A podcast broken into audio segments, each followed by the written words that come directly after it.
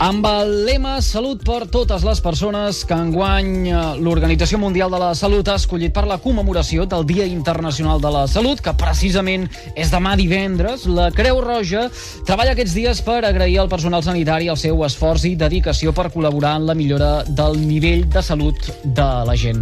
Passen dos minuts del punt d'un quart de cinc de la tarda i ara mateix a l'altra banda del fil telefònic podem saludar a la portaveu de l'àmbit de salut de la Creu Roja a Catalunya, Catalunya. Eva González, molt bona tarda Hola. i benvinguda al carrer Major de les emissores de la xarxa. Com està? Molt bona tarda, moltes gràcies per la invitació. En el marc d'aquest Dia Internacional de la Salut, Creu Roja ha emès un comunicat en què explica que ha atès més de 100.000 persones a Catalunya amb accions preventives i de promoció de la salut. Expliquin, si us plau, eh, davant d'aquesta eh, xifra que a alguns ens pot semblar desorbitada pel moment que eh, travessem, què és el que hi hem de llegir? Uh, doncs bé, en l'àmbit de salut de la Creu Roja uh, portem molts, molt, molts anys treballant en, en, en tot el, el que és la intervenció en tres línies, sobretot la línia preventiva i de sensibilització, la de promoció de la salut i la d'acompanyament en la gestió de la malaltia amb projectes adreçats sempre a col·lectius en situació de vulnerabilitat el 2022 els projectes de salut han cobert a, a, a 100.000 persones a tota Catalunya. Eh, els col·lectius atesos doncs, podem destacar persones, sobretot, clar, amb problemes de salut, en situació de vulnerabilitat, treballant amb persones sense llar, en dones en situació de vulnerabilitat, persones que no poden accedir a recursos sanitaris o al sistema de salut eh, pels canals habituals, eh, persones amb malalties cròniques, en fi, és, és una línia molt adreçada bàsicament a contribuir a reduir les desigualtats eh, i a treballar per, bueno, doncs per millorar els determinants socials de salut, de, socials que impacten directament a la salut. Hmm. Senyora González, això són uh, dades a nivell de tota Catalunya, donat que aquest és un programa territorial, no sé si uh, disposem de xifres uh, de, del camp de Tarragona o, o d'aquesta àrea sí, doncs, uh, geogràfica. Sí. Sí, a província de, Bar a província de Tarragona el, el, els, les persones ateses són uns, unes 18.000 persones. Al cap de, de Tarragona específicament unes 10.000. És eh, una zona on es treballa molt, eh, sobretot projectes adreçats a la prevenció de malalties transmissibles, a tot el tema d'ITS i VIH, en entorns de treball sexual, eh, amb, amb, amb accions assistencials, sobretot amb persones amb VIH i SIDA.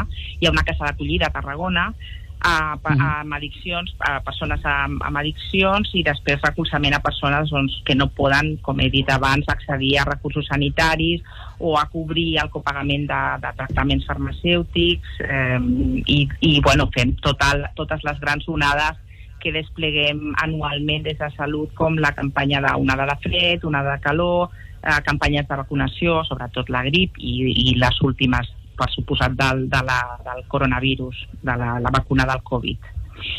Mm. Uh, um, no sé si és possible fer una uh, comparativa amb anys anteriors. És a dir, uh, uh, ens trobem en un uh, millor moment pel que fa doncs, les atencions cap a aquests col·lectius, els que assenyalava uh, ara. Uh, si ens fixem en la gràfica, uh, va per amunt o tira avall? A veure, va per estabilitzar-se, estabilitzar menys mal, perquè des del 2020, el 2020 va suposar un augment eh, brutal de l'activitat dels projectes de salut sobretot pel que fa a l'emergència provocada per la pandèmia. És evident, eh, l'activitat va continuar sostinguda fins a final de 2021 amb, amb la baixada de totes les restriccions i mesures preventives de, de, de, de transmissió comunitària del, del virus. Eh, el 2022 es va continuar amb molta activitat perquè va venir el tema de, de bueno, les persones provenents d'Ucraïna van portar eh, tenia molta necessitat d'acompanyament vers el sistema sanitari i, i totes les necessitats en, en quant a salut que, que portaven i ara el 2023 esperem de poder consolidar el, la intervenció que ja portàvem a terme abans de la pandèmia bàsicament de, uh, en la línia preventiva i de promoció de la salut i, i de, de les persones, bàsicament per contribuir a la millora de la salut física i, i emocional. Eh, mm -hmm. Però esperem que que s'estabilitzi, vull dir que hi hagi uh, igual una baixada de persones ateses, però sí que una pujada en quant a la, a, a la intervenció, no tant d'emergència, sinó més preventiva, més, amb un caire més qualitatiu en aquest sentit. Mm. Entenc, senyora González, pel que ens està uh, explicant, que potser no serà uh, tan ràpida com uh, va haver-hi la uh, pujada no? en, aquesta, en aquesta gràfica. És a dir, uh, si parlem d'estabilització, uh, vol dir que no recuperen les xifres que hi havia el 2019. Uh, d'atesos, de persones ateses, la baixada Exacte, de persones sí, ateses, sí Bé, eh, jo crec que la pandèmia, com he, comentat abans, també ha visibilitzat molt la necessitat de, de treballar molt més la prevenció i molt més la promoció de, de la salut amb, amb les persones. És veritat també que moltes de les persones que ja teníem el 2019 han vist agreujades eh, a, a, a les seves situacions eh, pues, en la majoria de caps de, de, de casos multiproblemàtiques, no? Aleshores, clar, és, és, és una, una atenció com més... Eh, més eh, específica en temes més de salut, però bueno, les xifres es poden... No, no arribarem a les xifres del 2020 perquè això va suposar un, un esclat no? de, de, a nivell quantitatiu, però sí que podem es, tenir les, les mateixes xifres del 2019, sí, sí, inclús més. Jo crec que molta gent encara s'ha quedat als programes de salut eh, més que el 2019. Hmm. Um, quines són les atencions que presten vostès de la Creu Roja en totes aquestes persones que o, o bé ho sol·liciten o, o bé no sol·liciten però vostès detecten a través dels de, uh, canals pertinents que uh, uh, han de o són susceptibles de ser uh, ateses per Creu Roja perquè ens en fem una idea a veure, la, la, la, la tipologia d'intervencions eh, podem dir que són com en tres línies.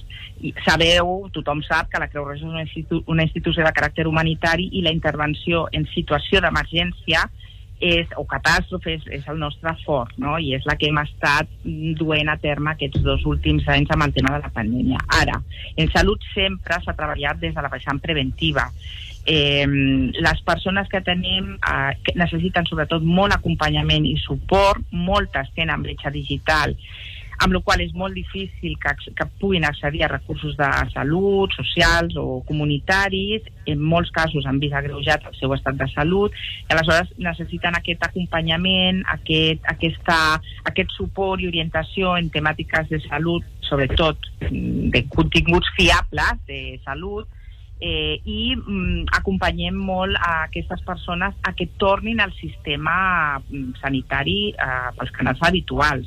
Vull dir que no és que sigui una excepció aquesta intervenció, sinó que l'objectiu final és que eh, la gent es vinculi als circuits eh, públics i, i normalitzats. Vull dir que aquesta és una mica la, l'objectiu de la nostra intervenció. Molt acompanyament, molt suport, molt suport, molta orientació, realitzem moltes campanyes de prevenció, molts tallers, mm. moltes sessions informatives i xerrades per poder uh, bueno, augmentar, augmentar aquest coneixement en, en salut, però en fons fiables. De fet, uh, la, la xifra total de uh, persones ateses en aquestes campanyes de prevenció o en aquestes accions de sensibilització a nivell de tota Catalunya per part de la Creu Roja uh, ascendeixen molt més eh, de les que dèiem inicialment. Uh, arriben a 1.300.000 persones per, per cap baix. Senyora González, quins reptes tenim com a societat a l'hora de poder millorar tots aquests registres i, uh -huh. per tant, que aquestes persones que ara mateix necessiten aquest cop de mà o aquest acompanyament per part de la Creu Roja puguin eh, sortir-se'n per aquestes eh, vies convencionals a les que fèiem referència ara.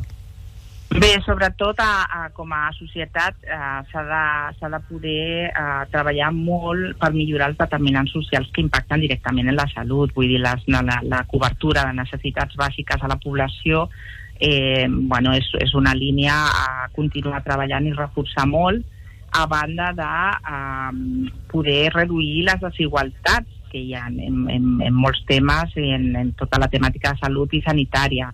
Tot el tema de la discriminació, a reduir o fer, poder, poder treballar amb una perspectiva sobretot interseccional, vull dir, sense discriminació per origen, per edat, per ètnia, per gènere, tota, tota la, tot el que fem no? a nivell d'entitats eh, socials o entitats humanitàries eh, els determinants socials és, eh, bueno, és molt important quan la persona té les necessitats cobertes pot començar a pensar en cuidar-se, en la seva salut i bueno, quan la situació és multiproblemàtica i de vulnerabilitat a vegades el que menys es pensa és en, en la salut. No és, no, és, no és com una cosa molt prioritària Mm.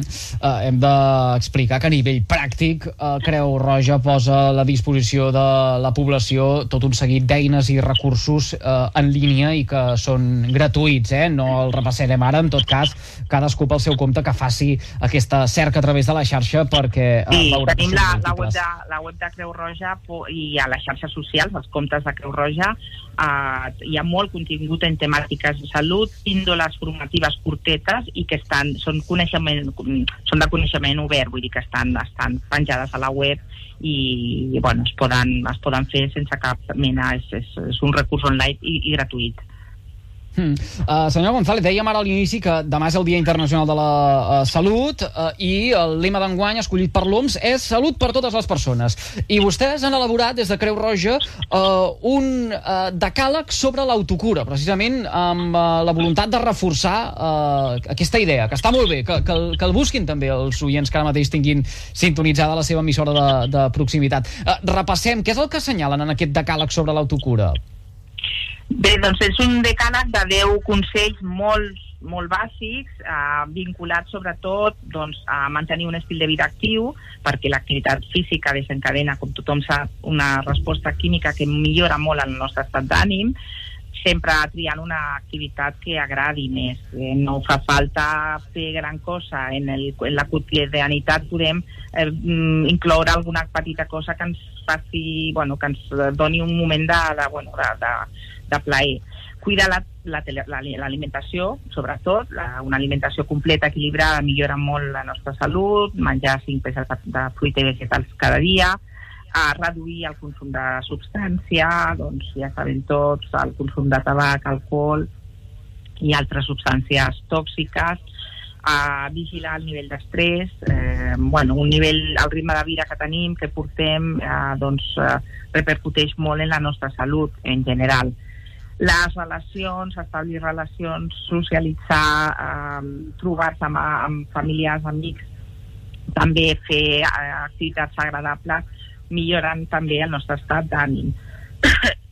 activitats a l'aire lliure, sobretot ara que comencen les vacances o, o tenim dies lliures, poder fer un dedicar temps a oci aficions, perdó, eh? no pateixi, no, no, no pateixi, no pateixi. Estic Estem repassant aquest, aquest, ja, aquest decàleg, eh?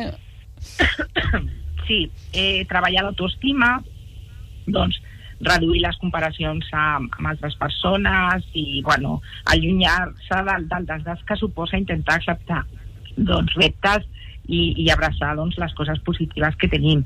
Uh, viure el present, tractar d'aprendre a viure el dia a dia i, i bueno, sense incertesa, desenvolupar una, una actitud més eh, doncs, positiva davant el canvi. Motivar-se, trobar coses per motivar-se, reptes que siguin realistes i evitar frustracions innecessàries.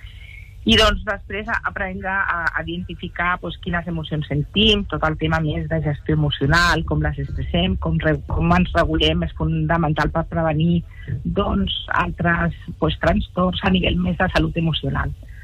Aquest és el decàleg sobre l'autocura que uh, publica la Creu Roja, uh, aquests uh, 10 uh, consells uh, precisament enmarcats en aquest uh, lema Salut per totes les persones que enguany ha escollit l'Organització Mundial de la Salut per la commemoració del Dia Internacional de la Salut, que és demà divendres, dia uh, 7 d'abril. Senyor González, qu quan, quan detectem, per exemple, que, que, que un d'aquests punts que ara anomenàvem del, del decàleg falla, o a, ens falla nosaltres mateixos, Uh -huh. com, com, com hauríem d'actuar? Quina hauria de ser la passa uh, següent uh, a seguir? tenint en compte que de vegades fins i tot costa eh, de detectar que uh, uh, fallem, som, som capaços de veure que els altres fallen en algun punt d'aquest decàleg, però uh, uh, observar-ho en, en una mateixa persona de vegades és una mica més complicat, perquè no es vol acceptar. Però en aquest cas, què, què hauríem de fer? Bé, com tu dius, l'estil de vida que portem és complicat poder, poder doncs, detectar o, o mantenir algun, uns hàbits saludables al 100%, però hem de buscar en el dia a dia els moments, encara que sigui a la feina, al carrer, a, per incloure petites coses que ens facin estar millor Um, són petites coses, com diem sempre, activitat física no és uh, anar al gimnàs o no és anar a fer una marató, sinó que és pues, uh, anar pel carrer caminant, fer quatre passes amb algú, anar xerrant, uh, estar a l'aire lliure, com hem dit abans amb el de Cala. Vull dir, és, és, és molt difícil, ens passa a, a, a tothom, eh, poder detectar doncs, eh, aquelles coses que no estem fent bé o prou bé. Mm. Uh, uh, L'estrès, uh, tenint en compte el ritme de vida que portem a dia d'avui, generalment tot, les noves tecnologies, que estem connectats permanentment les 24 hores del dia en els telèfons intel·ligents, la globalització, no sé si en juga gaire a favor d'alguns d'aquests punts que tractàvem ara en el decàleg, senyora González. Bé, um, com tot té la seva part positiva i les seves desavantatges. Eh, el tema de les noves tecnologies sí que és veritat que ha, comportat uh, doncs, noves uh, conductes i, i alguna, en algun cas doncs, nous trastorns a nivell addictius, però sí que també ens ofereix tot un món i totes unes, totes unes possibilitats de fer de poder mantenir hàbits. Hi ha aplicacions que et recorden el dels passos, no?, per caminar, aplicacions per eh, um, tema d'alimentació, um, activitat física, a, a nivell emocional, les aplicacions que hi ha a nivell de gestió emocional, vull dir que hi ha molta, molta avantatge també en el, en, en el tema de les noves te tecnologies que ens pot facilitar la vida i ens pot uh, recordar que hi ha uns hàbits o un estil de vida que bueno, podem, podem assolir eh, mínimament. Mm -hmm Uh, uh, potser el més complicat, o, o dels més complicats, és uh, el, el control de la intel·ligència emocional, que moltes vegades pot anar lligat a, a motivacions o, o en uh, com ens uh, sentim. La salut mental, uh, vaja, uh, seran dels grans reptes abans que en parlàvem, uh, tenir en compte a l'hora de cuidar la salut de cara al futur, sobretot també en el cas dels joves, i ho estem uh, veient uh, a dia d'avui. No sé què en pensa. Bé, no, mm, a nivell d'intervencions de, de, de, de, dels nostres programes de salut, el que es, es treballa molt és a nivell preventiu.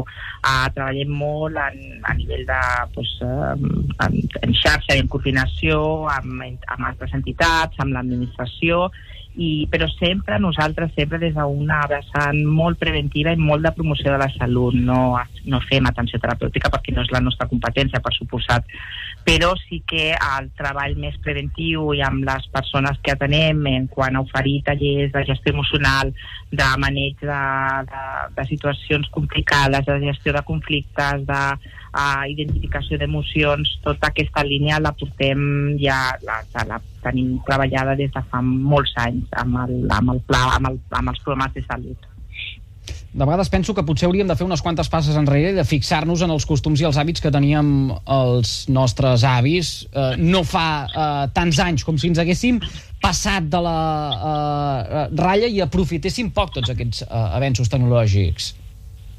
Eh, bé, els avenços tecnològics, sempre que cobreixin una necessitat de la població, són sempre ben, benvinguts. Eh, el tema tecnològic està, bueno, és, és, és, és la gran la gran, eh, bueno, la gran sorpresa, no? I que, que estem eh, tothom pensant doncs, com, com serà, no? com evolucionarà i com ens podrà ajudar. A nivell de salut, eh, evidentment, hi ha hagut moltíssim abans o sigui, molts, moltíssim avenços en, en quant a nova tecnologia i ha ajudat molt en tema de, de salut i segurament eh, bueno, esperem que el futur porti doncs, això, que, que sigui més per ajudar a cobrir necessitats i reduir desigualtats que no pas per eh, tot el contrari. Eva González, portaveu de l'àmbit de salut de la Creu Roja a Catalunya, moltíssimes gràcies per fer-nos confiança, gràcies per atendre la trucada del carrer major de les emissores de la xarxa al Camp de Tarragona. Bon dia internacional de la salut. Moltes gràcies i mm, que passeu bons dies de festa. Gràcies, adeu.